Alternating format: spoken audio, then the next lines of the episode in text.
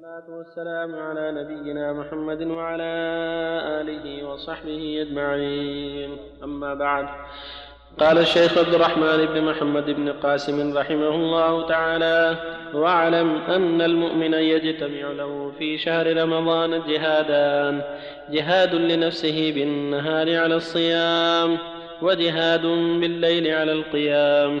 فمن جمع بين هذين الجهادين ووفى بحقوقهما وصبر عليهما وفي أجره بغير حساب. وفي أجره بغير جزاكم الله خير. وفي أجره بغير حساب. قال كعب ينادى ينادي يوم القيامة مناد إن, إن كل حارث يعطى بحرثه ويزاد غير أهل القرآن والصيام. فيعطون أجورهم بغير حساب ويشفعان له عند الله عز وجل. كما في المسند عن عبد الله بن عمر رضي الله عنهما عن النبي صلى الله عليه وسلم الصيام والقيام يشفعان للعبد يوم القيامة. يقول الصيام أي رب منعته الطعام والشراب والشهوات المحرمات بالنهار. ويقول القرآن منعته النوم بالليل فشفعني فيه فيشفعان. فالصيام, فالصيام يشفع لمن منعه المحرمات كل كلها فإنه يشفع له عند الله يوم القيامة. يقول يا رب منعته شهواته فشفعني فيه. وأما من ضيع صيامه ولم يمنعه مما حرمه الله عليه فإنه جدير ان يضرب به وجه صاحبه ويقول له ضيعك الله كما ضيعتني. قال بعض السلف إذا احتضر المؤمن يقال للملك شم رأسه قال أجد في رأسه في رأسه القرآن. فيقال شم قلبه. فيقول أجد في أجد في قلبه الصيام. فيقال شم قدميه. فيقول أجد في قدميه القيام. فيقال حفظ نفسه وحفظه الله. وكذلك القرآن إنما يشفع لمن منعه النوم بالليل فإن من قرأ القرآن وقام به فقد قام بحقه فيشفع له. وقد ذكر النبي صلى الله عليه وسلم رجلا فقال ذلك لا يتوسد القرآن أي لا ينام عليه فيصير له كالوسادة. وروى أحمد من حديث بريدة رضي الله عنه مرفوعا إن القرآن يلقى صاحبه يوم القيامة حين ينشق عنه قبره. كالرجل الشاحب يعني المتغير اللون فيقول هل تعرفني؟ فيقول أنا صاحبك الذي أظمأتك في الهواجر وأسهرت ليلك وكل تاجر من وراء تجارته فيؤتى الملك بيمينه والخلد بشماله ويوضع على رأسه تاج الوقار ثم يقال له اقرأ واصعد في درج الجنة وغرفها وهو في صعود ما, ما دام يقرأ. هذا كان أو ترتيلا. وفي حديث عبادة الطويل إذ إن القرآن يأتي صاحبه في القبر فيقول له أنا الذي كنت أسهر ليلك وأضمي نهارك وأمنعك شهواتك وسمعك وبصرك فستجدني من الأخلاء خليل صدق ثم يصعد فيسال له فراشا ودثارا فيؤمر له بفراش من الجنة ويأسمين من الجنة ثم يدفع القرآن في قبلة في قبلة اللحد فيوسع عليه ما شاء الله من ذلك. قال ابن مسعود رضي الله عنه ينبغي لقارئ القرآن أن يعرف بليله إذا الناس ينامون وبنهاره إذا الناس يخلطون. وبصمته إذا الناس يخوضون وبحزنه إذا الناس يفرحون. وقال وهيب قيل لرجل ألا تنام؟ فقال إن عجائب القرآن أطرن نومي. وصحب رجل رجلا شهرين فلم يره نائما. فقال ما لي لا أراك نائما. قال إن عجائب القرآن أطرن نومي ما أخرج من عجوبة إلا وقعت في أخرى. قال أحمد بن أبي الحواري إني لا أقرأ القرآن وأنظر فيه آية آية فيتحير عقلي وأعجب من حفاظ القرآن كيف يهنيهم النوم أو يسعهم أن يشتغلوا بشيء من الدنيا وهم يتلون كتاب الله. أما إنهم لو فهموا ما يتلون وعرفوا حقه وتلذذوا به واستحلوا واستحلوا المناجاة به واستحلوا المناجاة, المناجاة به لذهب عنهم النوم فرحا بما رزقوا. فأما من كان معه القرآن فنام عنه بالليل ولم يعمل ولم يعمل به بالنهار. فإنه ينتصب له خصما يوم القيامة يطالبه بحقوقه التي ضيعها. روى أحمد من حديث سمرة رضي الله عنه أن النبي صلى الله عليه وسلم رأى في منامه رجلا مستلقيا على قفاه ورجل قائم بيده فهر أو صخرة فيشدخ بها رأسه فيتدهده فيتدهده. فإذا ذهب ليأخذه عاد رأسه كما كان فيصنع به مثل ذلك. فسأل عنه فقيل له هذا رجل آتاه الله القرآن فنام عنه بالليل ولم يعمل به بالنهار فهو يفعل به ذلك إلى يوم القيامة. وفي حديث عمرو بن شعيب مرفوعا يمثل القرآن يوم, يوم القيامة رجلا فيؤتى بالرجل قد حمله فخالف أمره. في فيتمثل له خصما فيقول يا رب حملته إياي فبئس, فبئس حامل تعدى حدودي وضيع فرائضي وركب معصيتي وترك طاعتي فما, فما يزال يقذف عليه بالحجج حتى يقال شأنك به فيأخذه بيده فما يرسله حتى يكبه على منخره في النار.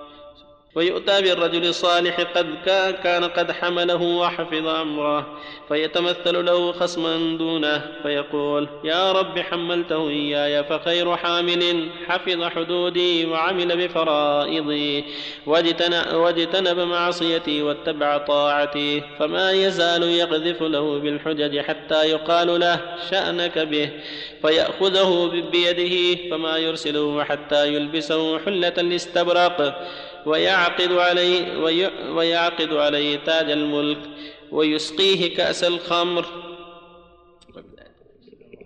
الحمد لله وصلى الله وسلم على رسول الله وعلى آله وأصحابه ومن اهتدى به أما بعد هذه الأحاديث والآثار كلها تعلق بالصيام والقيام والقرآن. فالمؤمن مأمور بالعناية بصومه وصيانته عما حرم الله. وصيانة قيامه عما حرم الله كما أنه مأمور بالعناية بالقرآن واتباعه وتعظيمه لأن الله أنزله للعمل أنزله ليعمل به لا لمجرد التلاوة والحفظ ولكن للعمل. والمؤمن في هذا الشهر الكريم في جهاد جهاد في حفظ صيامه جهاد في حفظ قيامه جهاد في ما يتعلق بالقرآن والعناية بتدبره والعمل به جهاد فيما يتعلق بوالديه بأقاربه بجيرانه جهاد فيما يتعلق بالمسلمين هو في جهاد دائم. فالواجب عليه أن يعنى بهذا الجهاد وأن يكون جهادا مثمرا فيصون صيامه عما حرم الله من الفواحش والمنكرات حتى يكون صياما كاملا سليما. وهكذا يصوم قيامه من الرياء والكسل والضعف ويصون جوارحه كلها دائما عما حرم الله ويعتني بالقرآن حتى يكون حجة له لا حجة عليه. فإنه متى استقام على أمر القرآن تبع أوامره واجتنب نواهيه ووقف عند حدوده صار حجة له. كما في الحديث الصحيح يقول صلى الله عليه وسلم القرآن حجة لك أو عليك حجة لك إن عملت به وعليك إن ضيعت كما رواه مسلم في الصحيح.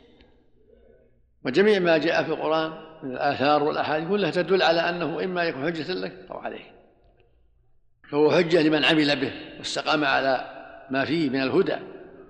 وحجة على الثانيين القوم الآخرين الذين ضيعوه ولم يتبعوا حدوده ولم ينقادوا لأوامره. يقول جل وعلا اتبعوا ما أنزل من ربكم ولا تتبعوا من أولياء ويقول جل وعلا وهذا كتاب أنزلناه مبارك فاتبعوه واتقوا لعلكم ترحمون ويقول سبحانه ويقول سبحانه كتاب أنزلناه إليك لتخرج الناس من الظلمات إلى النور. بيد ربهم إلى صراط العزيز الحميد. يخرجهم باتباع أوامره وترك نواهيه. أما من أعرض عنه فإنه لا يخرج من الظلمات إلى النور. بل لا يزال في الظلمات كما جرى لكفار العرب وغيرهم ممن لم يسلم. والإنسان يعتبر غيره. لنا في غيرنا عبر فمن ضيع القرآن ضاع وهلك. فالواجب على كل مؤمن أن يتبع ما جاء به نبي الله من القرآن والسنة وإنقاذ الحق وإن لم يكن قارئا له عليه العمل بالأوامر وإن كان عاميا لا يقرأ. عليه يستمع قراءة من القراء في المساجد في الإذاعة إذاعة القرآن. في المجالس التي بينه وبين الإخوان يسمع القرآن ويستفيد عليه أن يؤدي ما أوجب الله عليه ينتهي عما حرم الله عليه يقف عند حدود الله حتى تكون حياته معمورة بالخير بعيد عن الشر. ومن المهم أيضا الحرص على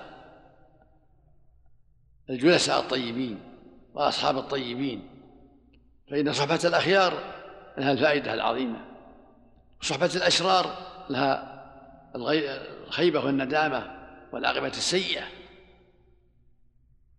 يقول عليه الصلاة والسلام المرء على دين خليله فلينظر أحدهم من يخالل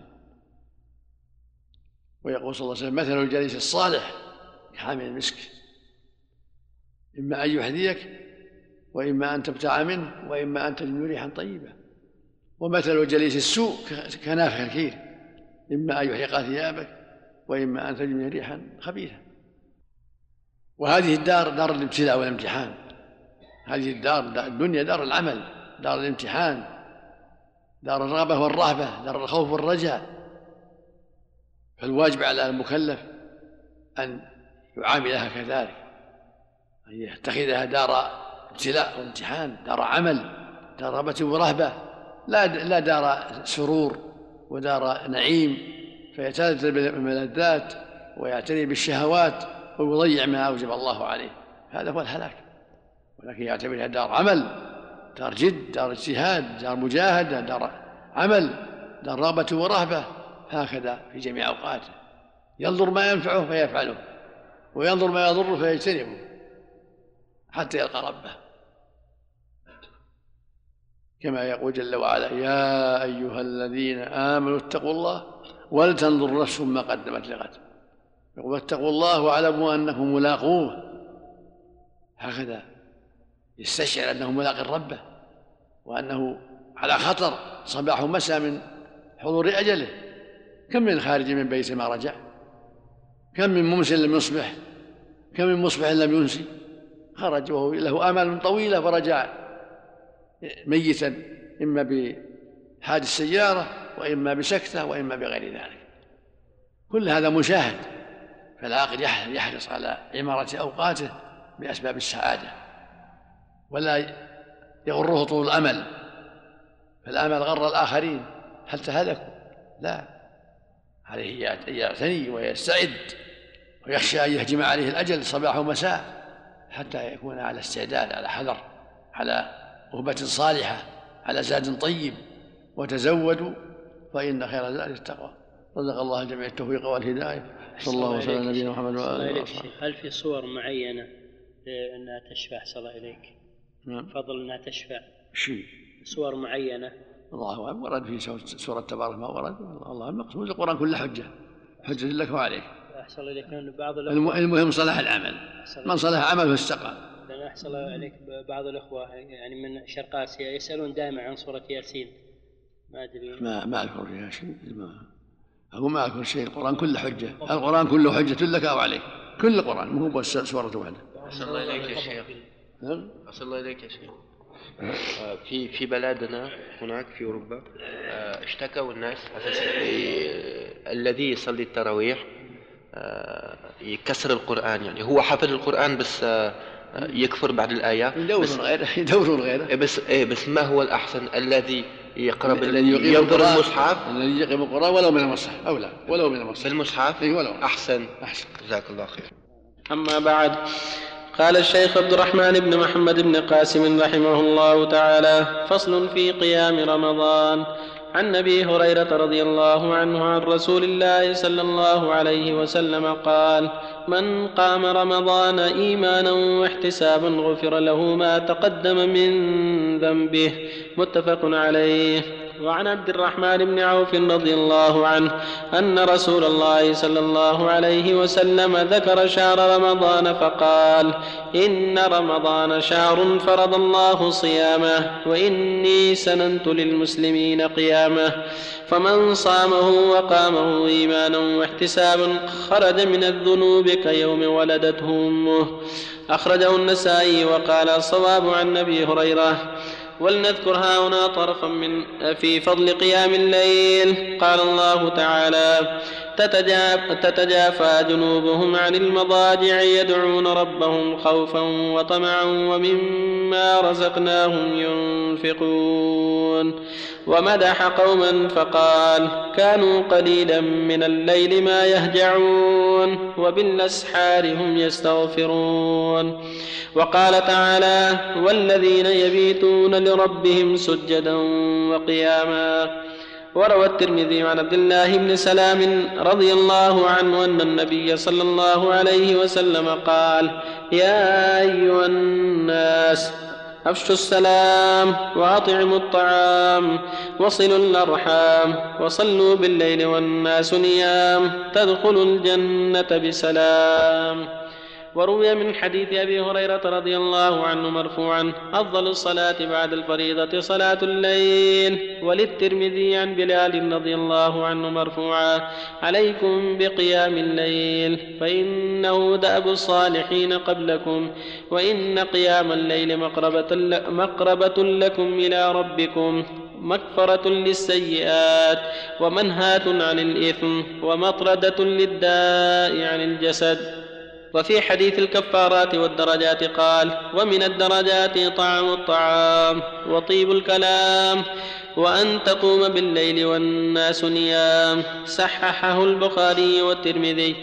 وروى الطبراني عن أبي الدرداء رضي الله عنه مرفوعا ثلاثة يحبهم الله ويضحك إليهم ويستبشر بهم فذكر منهم الذي له امرأة حسنا وفراش حسن فيقوم من الليل فيقول الله تعالى يذر شهوته فيذكرني ولو شاء لرقده وفي المسند عن ابن مسعود رضي الله عنه مرفوعا عجب الله من رجلين رجل ثار من وطاء من وطائه ولحافه بين أهله وحبه إلى صلاته رغبة فيما عندي. وفي حديث أبان عن ربية عن ربية عن أنس عن النبي صلى الله عليه وسلم قال ثلاثة مواطن لا ترد فيها الدعوة. رجل يكون في برية حيث لا يراه أحد فيقوم فيصلي. فيقول الله لملائكته علم عبدي هذا أن له ربا يغفر الذنوب. فانظروا ماذا يطلب. فتقول الملائكة أي رب رضاك ومغفرتك. فيقول الله أشهدكم أني قد غفرت له ورضيت عنه. ورجل يقوم من الليل فيقول الله أليس قد جعلت الليل سكنا والنوم سباتا؟ فقام عبدي هذا يصلي يعلم أن له ربا يغفر الذنوب. فيقول الله لملائكته انظروا ماذا يطلب عبدي. فتقول الملائكة أي رب رضاك ومغفرتك. فيقول الله فيقول الله أشهدكم أني قد غفرت له ورضيت عنه.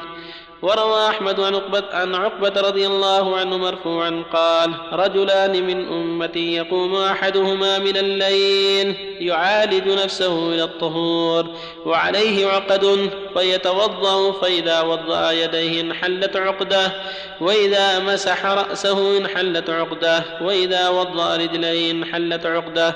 فيقول الله عز وجل للذين وراء الحجاب انظروا إلى عبدي هذا يعالج نفسه يسألني ما سألني عبدي هذا فهو له. وفي الأثر المشهور كذب من ادعى محبتي فإذا جنه الليل نام عني. أليس كل محب يحب خلوة حبيبه؟ فها أنا مطلع على أحبابي.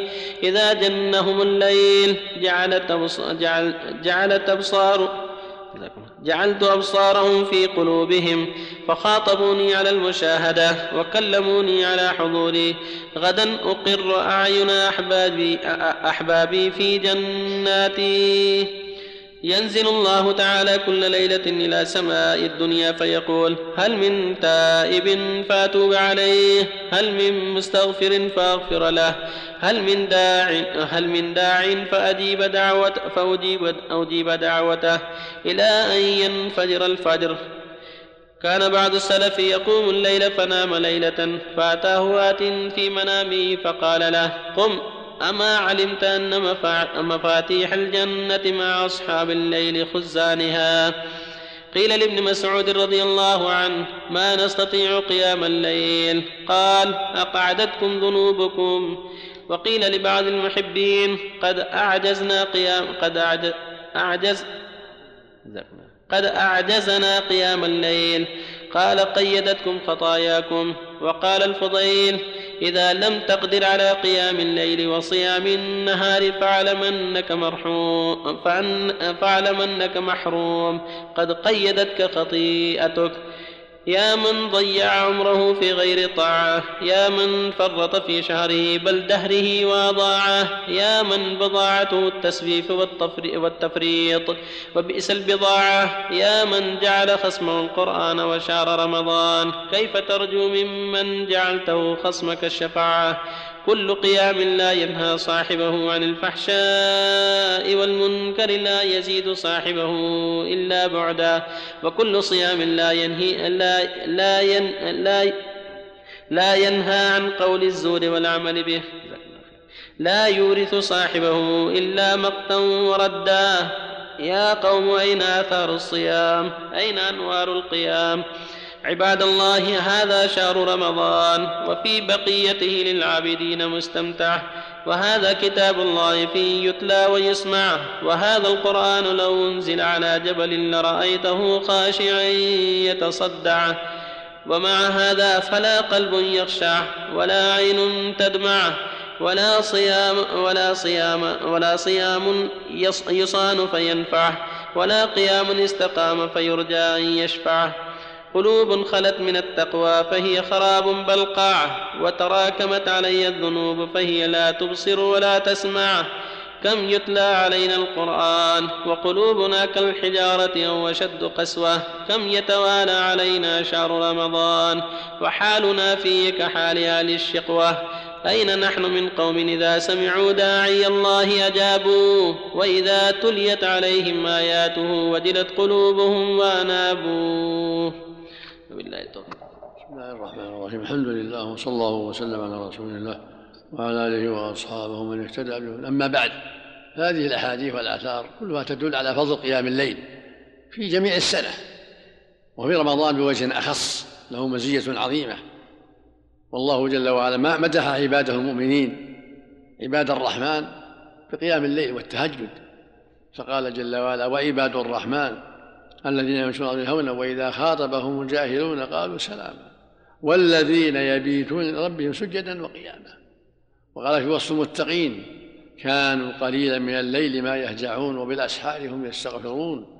وقال في وصفهم أيضا تتجافى جنوبهم عن المضاجع يدعون ربهم خوفا وطمعا ومما رزقناهم ينفقون.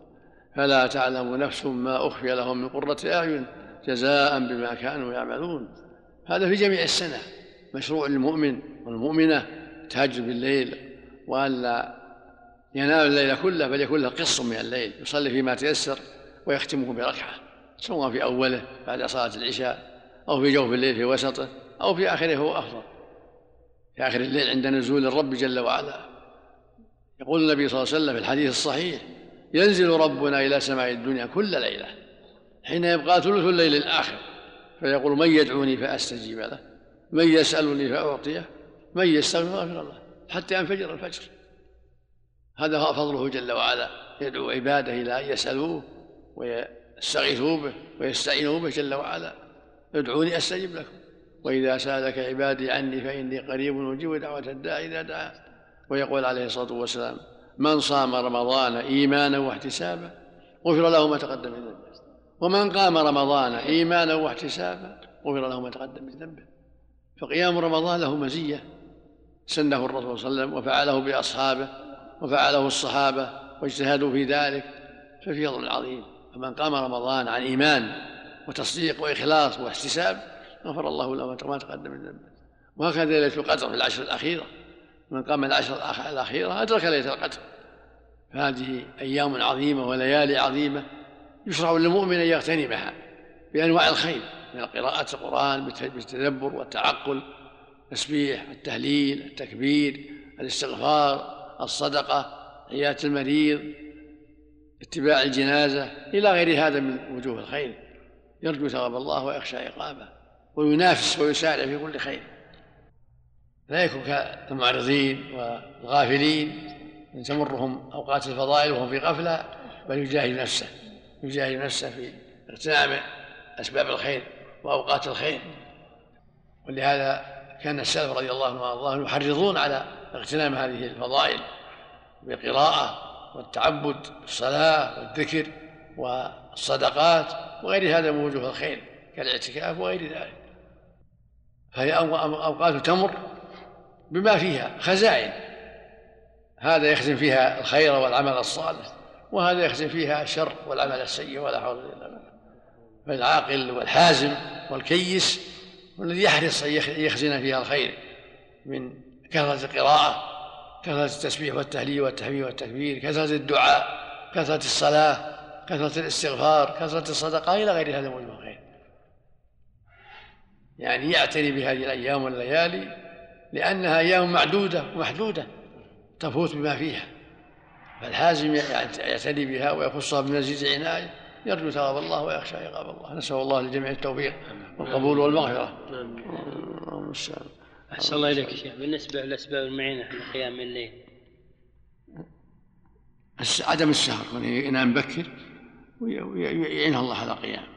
وإن صلى قبل أن ينام من باب الحزم مثل ما أوصى النبي أبا هريرة وأبي الدرداء فلا بأس. لكن إذا كان يحب أن يقوم أقوم آخر الليل فليبكر لا يسهر. يبكر ويعتني وركد الساعة على الوقت المطلوب الساعة الحمد لله من أسباب التيسير. الساعة تيسرت الحمد لله. يستطيع يركدها على الوقت اللي يريد. وإذا خرجت قام لعبادته. الحمد لله. أحسن الله إليك. أحسن الله إليك. بالنسبة للدعاء أحسن الله إليك. كدعاء القنوت أحسن الله إليك يبدأ. كصفة دعاء القنوت. الله أعلم.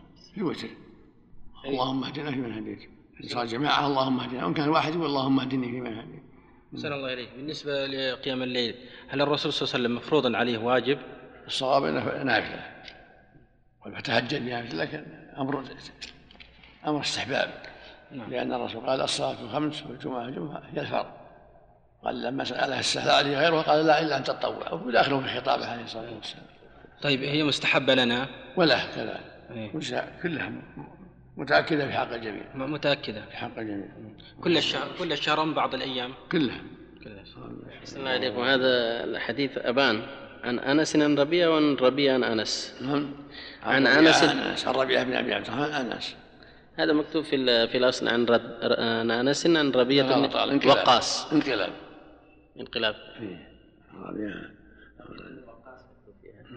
ربيعة أو ربيعة بن أبي عبد الرحمن. شيخ مالك. مكتوب في الأصل كذا ربيعة بن ربيع بن وقاص. عن عن أنس عن ربيعة بن وقاص عن النبي صلى الله عليه وسلم. لا لا غلط. جزاك الله ربيعة بن أبي عبد الرحمن. نعم. السلام عليكم. الكتب الشرعية أحسن الله والسلام راشد بن منيف. الله يحييك كيف حالك الله يرضى عليك الله يحييك كيف حالك؟ كيف حالك الله يرحم لك ووالديك كيف العيال؟ أنا ما تحب حمولة أنا ما تحب الله. يسلمك. يسكن الله وياك. تقبل الله منا جميعا إن شاء الله. الله لنا ولكم. منا وياكم بعفو. نعم. الذي يتوسد الكتب الشرعية بعد ما تعب لا لا ما يجوز. توسد. هذه هانت لها توسد بيشته ولا يده. ولا ما يتوسد. لا يتوسد. نعم. عفى الله عنك. دقيقة. نعم. عندي مسألة بسيطة. نعم. فيها واحد من المواد جزاه الله خير أبدا قبل وقت ثلاث دقائق تقريبا أو دقيقتين. سهل. أقول هذه سهلة إن شاء الله. يعني يعني اللي افطروا بصومة. يعفى عنه اللي افطروا بصومة. ما صومة افطروا ما يضر ما يضر ما يضر أحسن الله إليك لأنه ما أذن يوم ختم أذانه يوم أذن الجامع عفى الله عنك. عفى الله عنك. الله يبارك فيك. بسم الله الرحمن الرحيم. الحمد لله وصلى الله وسلم على رسول الله وعلى آله وأصحابه ومن اهتدى بهداه. أما بعد فإن هذا الشهر الكريم شهر رمضان قد ذهب أكثره واليوم السادس عشر. فنسأل الله أن يوفقنا وإياكم لمضاعفة الجهود في كل ما يرضيه. وأن يعيننا وإياكم على المسابقة إلى كل خير. هذه الأيام الفاضلة الباقية يشرع للمؤمن فيها أن يضاعف الجهود وأن يغتنم ما فاته في البقية من طاعة الله جل وعلا كثرة الصلاة كثرة التسبيح والتهليل والتكبير والتحميد كثرة القراءة للقرآن الكريم بالتدبر والتعقل كثرة الصدقة كثرة النصيحة التوجيه إلى الخير الأمر بالمعروف النهي عن المنكر إلى غير هذا من وجوه الخير. كل ما تقدم الشهر فينبغي المؤمن أن يزيد في العمل ويستدرك البقية لأنه شهر كبير شهر كريم وعظيم تضاعف فيه الحسنات. فينبغي للمؤمن أن يجتهد في الإكثار من الخير في هذا الشهر العظيم واغتنام أيامه ولياليه. مع سؤال الله التوفيق والإعانة والقبول والمغفرة. فالمؤمن يجتهد مع الإخلاص والصدق والرغبة فيما عند الله وخشية سبحانه وتعالى. فإن البقية لا يعادلها شيء أيام فضائل تنتهي. فالمؤمن هكذا يجتهد في حفظ أيامه ولياليه وفي حفظ بقية عمره وفيما يستقبله من الزمان بالجد والاجتهاد في طاعة الله والتوبة مما سلف من التقصير والذنوب. فالإنسان محل الخطأ. كما قال صلى الله عليه وسلم كل بني آدم خطأ خير الخطائين التوابون. فالحازم والكيس هو الذي دائما في ملاحقة لأخطائه بالتوبة والندم والإقلاع وفي مسابقة إلى الأعمال الصالحات في أيام الفضائل وليالي الفضائل وفي غيرها من الأوقات. هكذا الكيس هكذا الحازم. يكون دائما في نشاط وهمة ورغبة بالخير والزيادة ومسابقة. كما قال جل وعلا والسابقون السابقون أولئك المقربون في جنات النعيم. يقول سبحانه فاستبقوا الخيرات. ويقول وسارعوا إلى مغفرة من ربكم وجنة عرضها السماء أعدت للمتقين. الذين ينفقون في السراء والضراء والكاظمين الغيظ والعافية عن الناس. والله يحب المحسنين. والذين إذا فعلوا فاحشة يعني معصية أو ظلموا أنفسهم ذكروا الله فاستغفروا لذنوبهم. ومن يغفر الذنوب إلا الله فهم مراقبون لما قد يقع منهم. مسارع للتوبة مما قد يقع من السيئات ومما يقع من ظلمهم لأنفسهم بالمعاصي الخفية التي بينهم وبين الله وبالتوبه من المعاصي الظاهرة وهي الفواحش. والإنسان محل الذنوب فلا ينبغي له أن يعجب بنفسه أو يمن بعمله. بل ينبغي أن يكون دائما خوف دائما الحذر دائما الضراعه إلى الله أن يهديه وأن يعيده من شر نفسه ومن شر الشيطان وأن يمنحه التوفيق والتسديد في قوله وعمله. والله يقول جل وعلا وتعاونوا على البر والتقوى ويقول جل وعلا والعصر إن الإنسان لفي خسر إلا الذين آمنوا وعملوا الصالحات وتواصوا بالحق وتواصوا بالصبر فهذا ميدان السباق ميدان المسارعة ميدان السباق بالطاعات. من سائر الأنواع من صلاة وصدقة وقراءة قرآن وتسبيح وتهليل وتحميد وتكبير بر والدين صلة رحم دعوة إلى الله أمر بالمعروف نهي عن منكر إلى غير هذا من وجوه الخير. ترجو بهذا ثواب الله وتخشى عقابه. نسأل الله أن يمنحنا وإياكم التوفيق وأن يرزقنا وإياكم المسارعة إلى كل خير والحذر من كل شر والتوبة إلى الله الصادقة من سائر الذنوب. إنه سميع قريب وصلى الله وسلم على نبينا محمد وعلى آله وأصحابه وأتباعه بإحسان. أحسن الله إليك يا شيخ. من يرجع إلى المعاصي بعد رمضان؟ هل هو علامة عدم قبول عمله في رمضان؟ يخشى عليه يخشى عليه لأن هذا علامة التساهل وأنه غير صادق التوبة.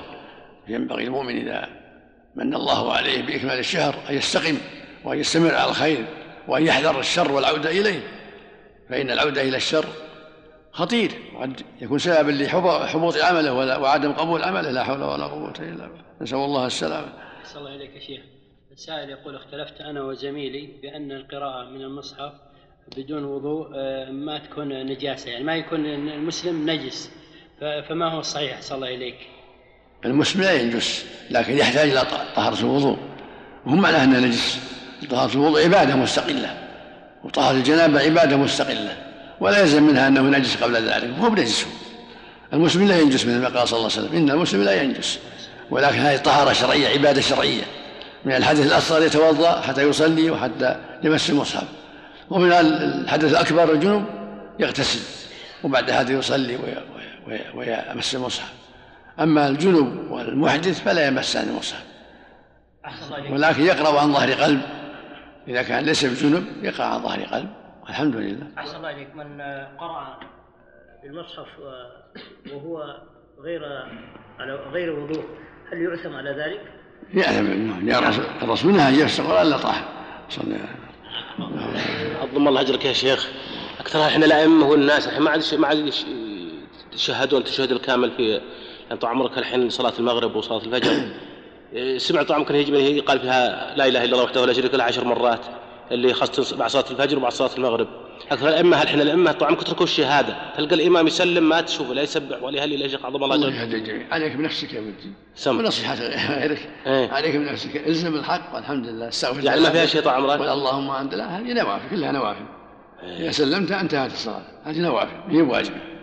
وأنت اشتغل بنفسك وانصح اللي تحب. الله يوفقك. الله يوفقك. أما بعد قال الشيخ عبد الرحمن بن محمد بن قاسم رحمه الله تعالى فصل في عشر الوسط. عن ابي سعيد الخدري رضي الله عنه قال كان رسول الله صلى الله عليه وسلم يعتكف في العشر الوسط من شهر رمضان. وقد دل الحديث على أنه كان يعتكف العشر الوسط لابتغاء ليلة القدر وفي رواية أنه اعتكف العشر الأول ثم اعتكف العشر الوسط ثم قال إني أتيت فقيل لي إنها من في العشر الأواخر فمن أحب أن يعتكف فليعتكف فاعتكف الناس معه. وقد ورد الأمر بطلب, بطلب ليلة القدر في النصف الآخر من رمضان. وفي وفي أفراد ما بقي من العشر الوسط وهما ليلة سبع عشرة والتسع عشرة وأما الأول فروى الطبراني عن عبد الله بن أنيس أنه صلى الله عليه وسلم سئل عن ليلة القدر فقال رأيتها وأنسيتها فتحروا في النصف الآخر. الحديث وكل زمان فاضل من ليل أو نهار فإن آخره أفضل من أوله. وأما الثاني فروى أبو داود عن ابن مسعود رضي الله عنه منفوعا اطلبوها ليلة سبع عشرة وقالوا إن صبيحتها كان يوم بدر والمشهور عند أهل السير والمغازي أن ليلة بدر ليلة سبع عشرة وكانت ليلة جمعة وكان زيد بن ثابت رضي الله عنه لا يحيي ليلة من رمضان كما يحيي ليلة سبع عشرة ويقول إن الله تعالى فرق في صبيحتها بين الحق والباطل وأذل في صبيحتها أئمة الكفر وحكى أحمد عن أهل المدينة أن ليلة القدر تطلب ليلة سبع عشرة وأصح ما روي من الحوادث في هذه الليلة أنها ليلة, ليلة بدر وصبيحتها هو يوم الفرقان وسمي يوم الفرقان لأن الله تعالى فرق فيه بين الحق والباطل وأظهر الحق وأهله على الباطل وأهله وعلت كلمة الله وتوحيده وذل وذل أعداؤه من المشركين وأهل الكتاب. وفي المعطى عن طلحة بن عبيد الله رضي الله عنه مرفوعا ما رؤي الشيطان أحقر ولا أدحر ولا أصغر منه يوم عرفة إلا ما رؤي يوم بدر. فقيل ما رؤي يوم بدر؟ قال رأى جبريل عليه السلام يزع الملائكة. وفي ليلة القدر تنتشر الملائكة في الأرض فيبطل سلطان الشياطين. كما قال تعالى تنزل الملائكة والروح فيها بإذن ربهم من كل أمر. سلام هي حتى مطلع الفجر. وفي المسند عن أبي هريرة رضي الله عنه عن النبي صلى الله عليه وسلم قال الملائكة في الأرض في تلك الليلة أكثر من عدد الحصى. وفي صحيح ابن وفي صحيح ابن حبان عن جابر رضي الله عنه عن النبي صلى الله عليه وسلم في ليلة القدر لا يخرج شيطانها حتى يخرج فجرها. وفي المسند عن عبادة رضي الله عنه مرفوعا لا يحل لكوكب أن يرمى به في أن يرمى به فيها حتى يصبح. وإن أمارتها أن الشمس تخرج في صبيحتها مستوية ليس لها شعاع. مثل القمر ليلة البدر ولا يحل لشيطان أن يخرج معها يومئذ. وروي عن, عن ابن عباس رضي الله عنهما قال إن الشيطان يطلع, يطلع مع الشمس كل يوم إلا ليلة القدر وذلك أنها تطلع لا شعاء لها. وقال مجاهد سلام هي. قال لا يحدث فيها داء ولا يستطيع الشيطان العمل فيها. وعنه قال ليلة القدر ليلة سالمة لا يحدث فيها حدث ولا يرسل فيها الشيطان. وعنه قال سالمة لا يستطيع الشيطان أن يعمل فيها سوءا ولا يحدث ولا يحدث فيها أذى. وعن ابن عباس رضي الله عنهما قال في تلك الليلة تصفد مردة الجن وتغل عفاريت الجن وتفتح فيها أبواب السماء كلها أبواب السماء كلها أبواب السماء كلها وتقبل في التوبة من كل تائب. ولذلك قال سلام هي حتى مطلع الفجر.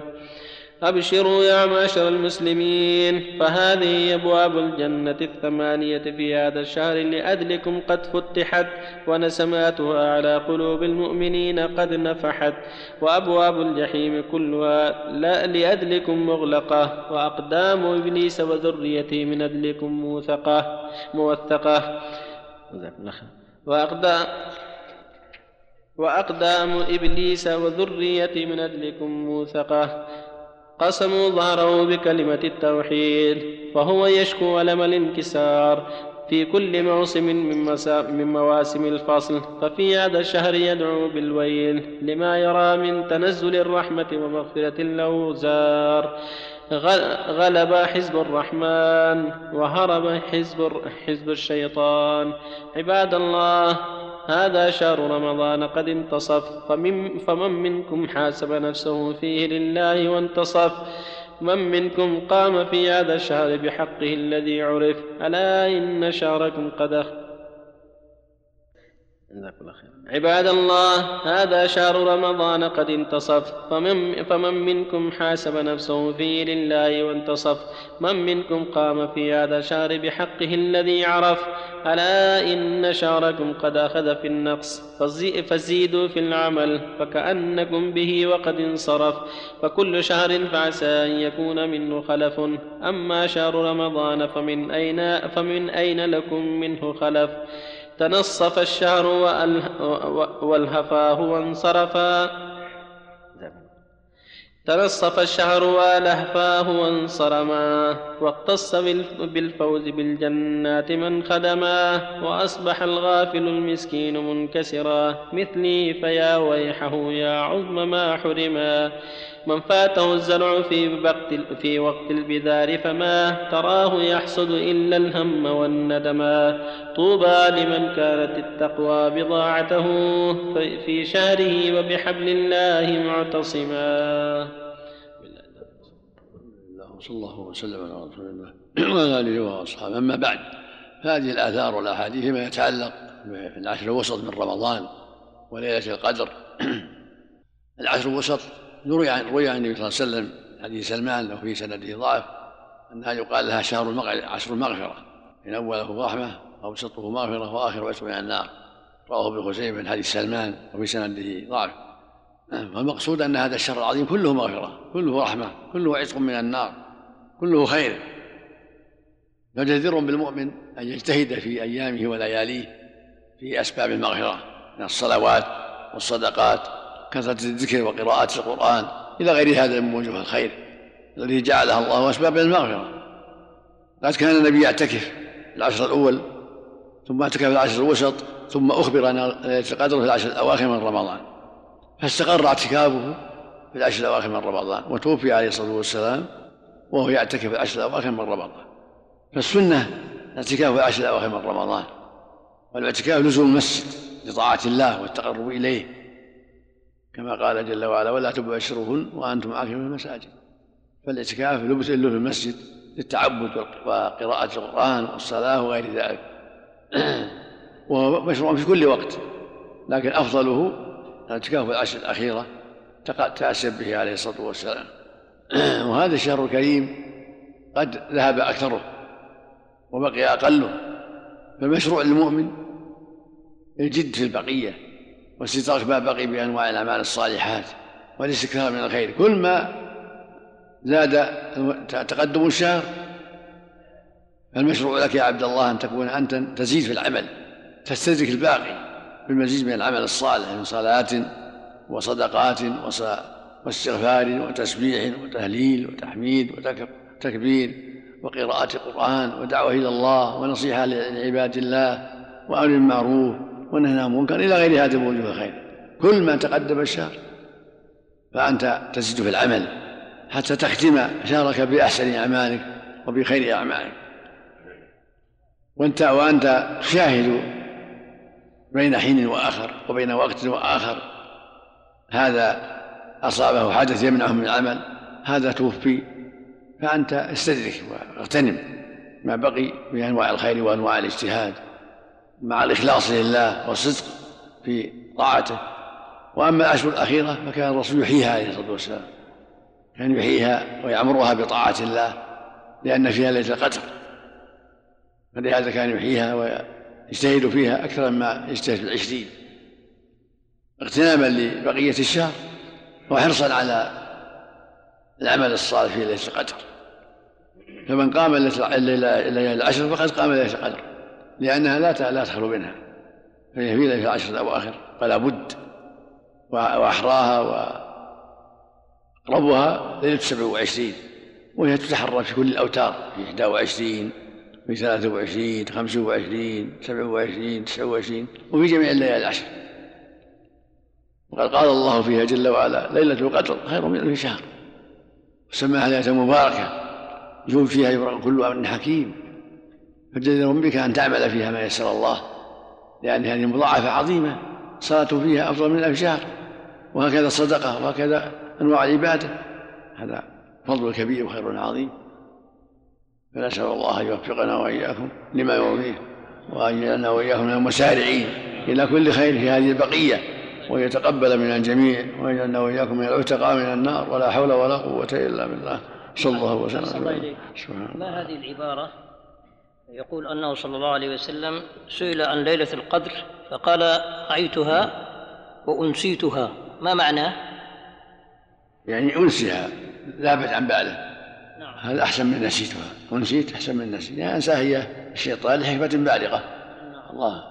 لأن الناس لو عرفوها لربما اجتهدوا فيها وحدها. لكن إذا عرفوا أنها في العشر وأنها لا يعلم متى تكون في العشر اجتهدوا في العشر كلها. فصار أعظم لأجورهم وأكثر لحسناتهم. أحسن الله إليك يا شيخ. هل ليلة 27 يعني ثابتة في ليلة 27 الحديث ولا متنقلة بالأوتار؟ لا, لا جاء فيها أحاديث تدل على ذلك. في أرجى الليالي أرجى نعم. الله إليك يا شيخ. رجل سوف يأخذ عمرة أحسن الله إليك ثم يذهب إلى جدة لاستقبال زوجته. آه، سوف تكون قادمة من مصر. من أين يحرم المرة الثانية؟ هل من جدة أو من مكان آخر؟ من الحل. إذا أحرم من جدة لا بأس. إذا أحرم من جدة وإن كان أحرم من الحل لكن إذا نوى الإحرام وهو جدة يحرم من جدة. إذا جاء زوجته ونوى وهو جدة يحرم من جدة. أحسن الله أحسن الله عليك يا شيخ. الذي الذي يدعي الله بغير لغة العربية. ما في بأس. يدعو الله بكل لغة بس القرآن يكون باللغة العربية. أحسن. أحسن أما الدعاء يدعو الله بكل اللغات كل يدعو بلغته والحمد لله. ادعوني أستجب لكم. صلى الله عليك أريد أن أحرم من الميقات.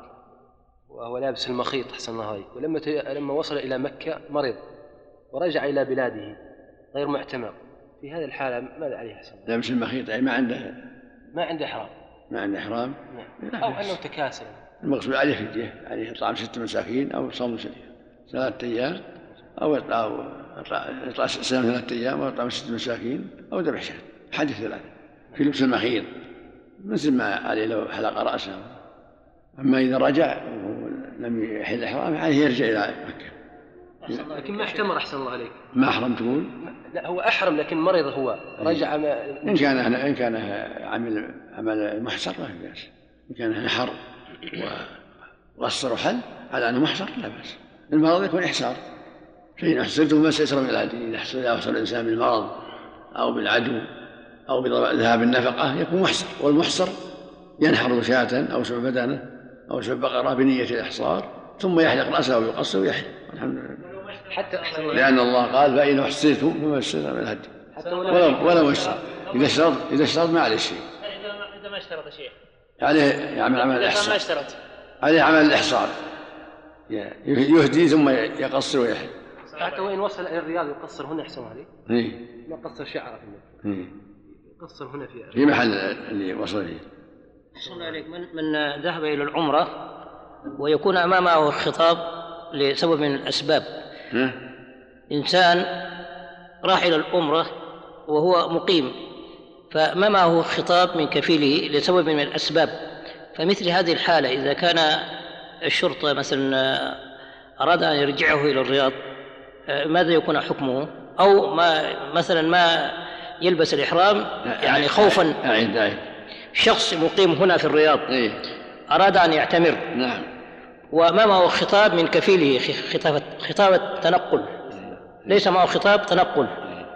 آه ثم خشي أن إذا أحرم ربما الشرطة يرجعه من الطريق فما أحرم.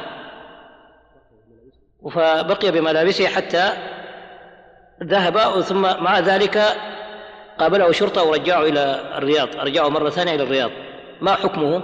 ليس له يذهب إلا بالإذن الرسمي بالطريقة الرسمية نعم. لا يصبر لا يذهب لا يذهب لا يتحير. نعم. نعم. لا يتحير حتى يتيسر له الطريقة الرسمية. لكن لو فعل لو لو فعل، نعم. لو نعم فعل نعم. ودخل, ودخل نعم. عليه فدية عليه ذبح شاة صوم صيام ثلاثة أيام أو إطعام ستة مساكين لأجل لبسه المخيط. نعم. ومثله عامل أن غطاء الرأس إن كان غطى رأسه. نعم. إذا أرجع إلى الرياض أيضا. إذا أرجع إلى الرياض يعني ما وصل رجعوه إلى الرياض. يكون محصر. محصرة يعني يذبح الهدي نعم. ويقصر في نعم. الطريق أو في الرياض. نعم. نعم. عليكم حين يكون محصر. جزاك الله حكم محصر. جزاك الله خيرا. قال أنا ليلة القدر 17 له توجيه. استقرت الشريعة على في العشر الأخيرة. هذا كان قبل أن يعلم صلى الله عليه وسلم.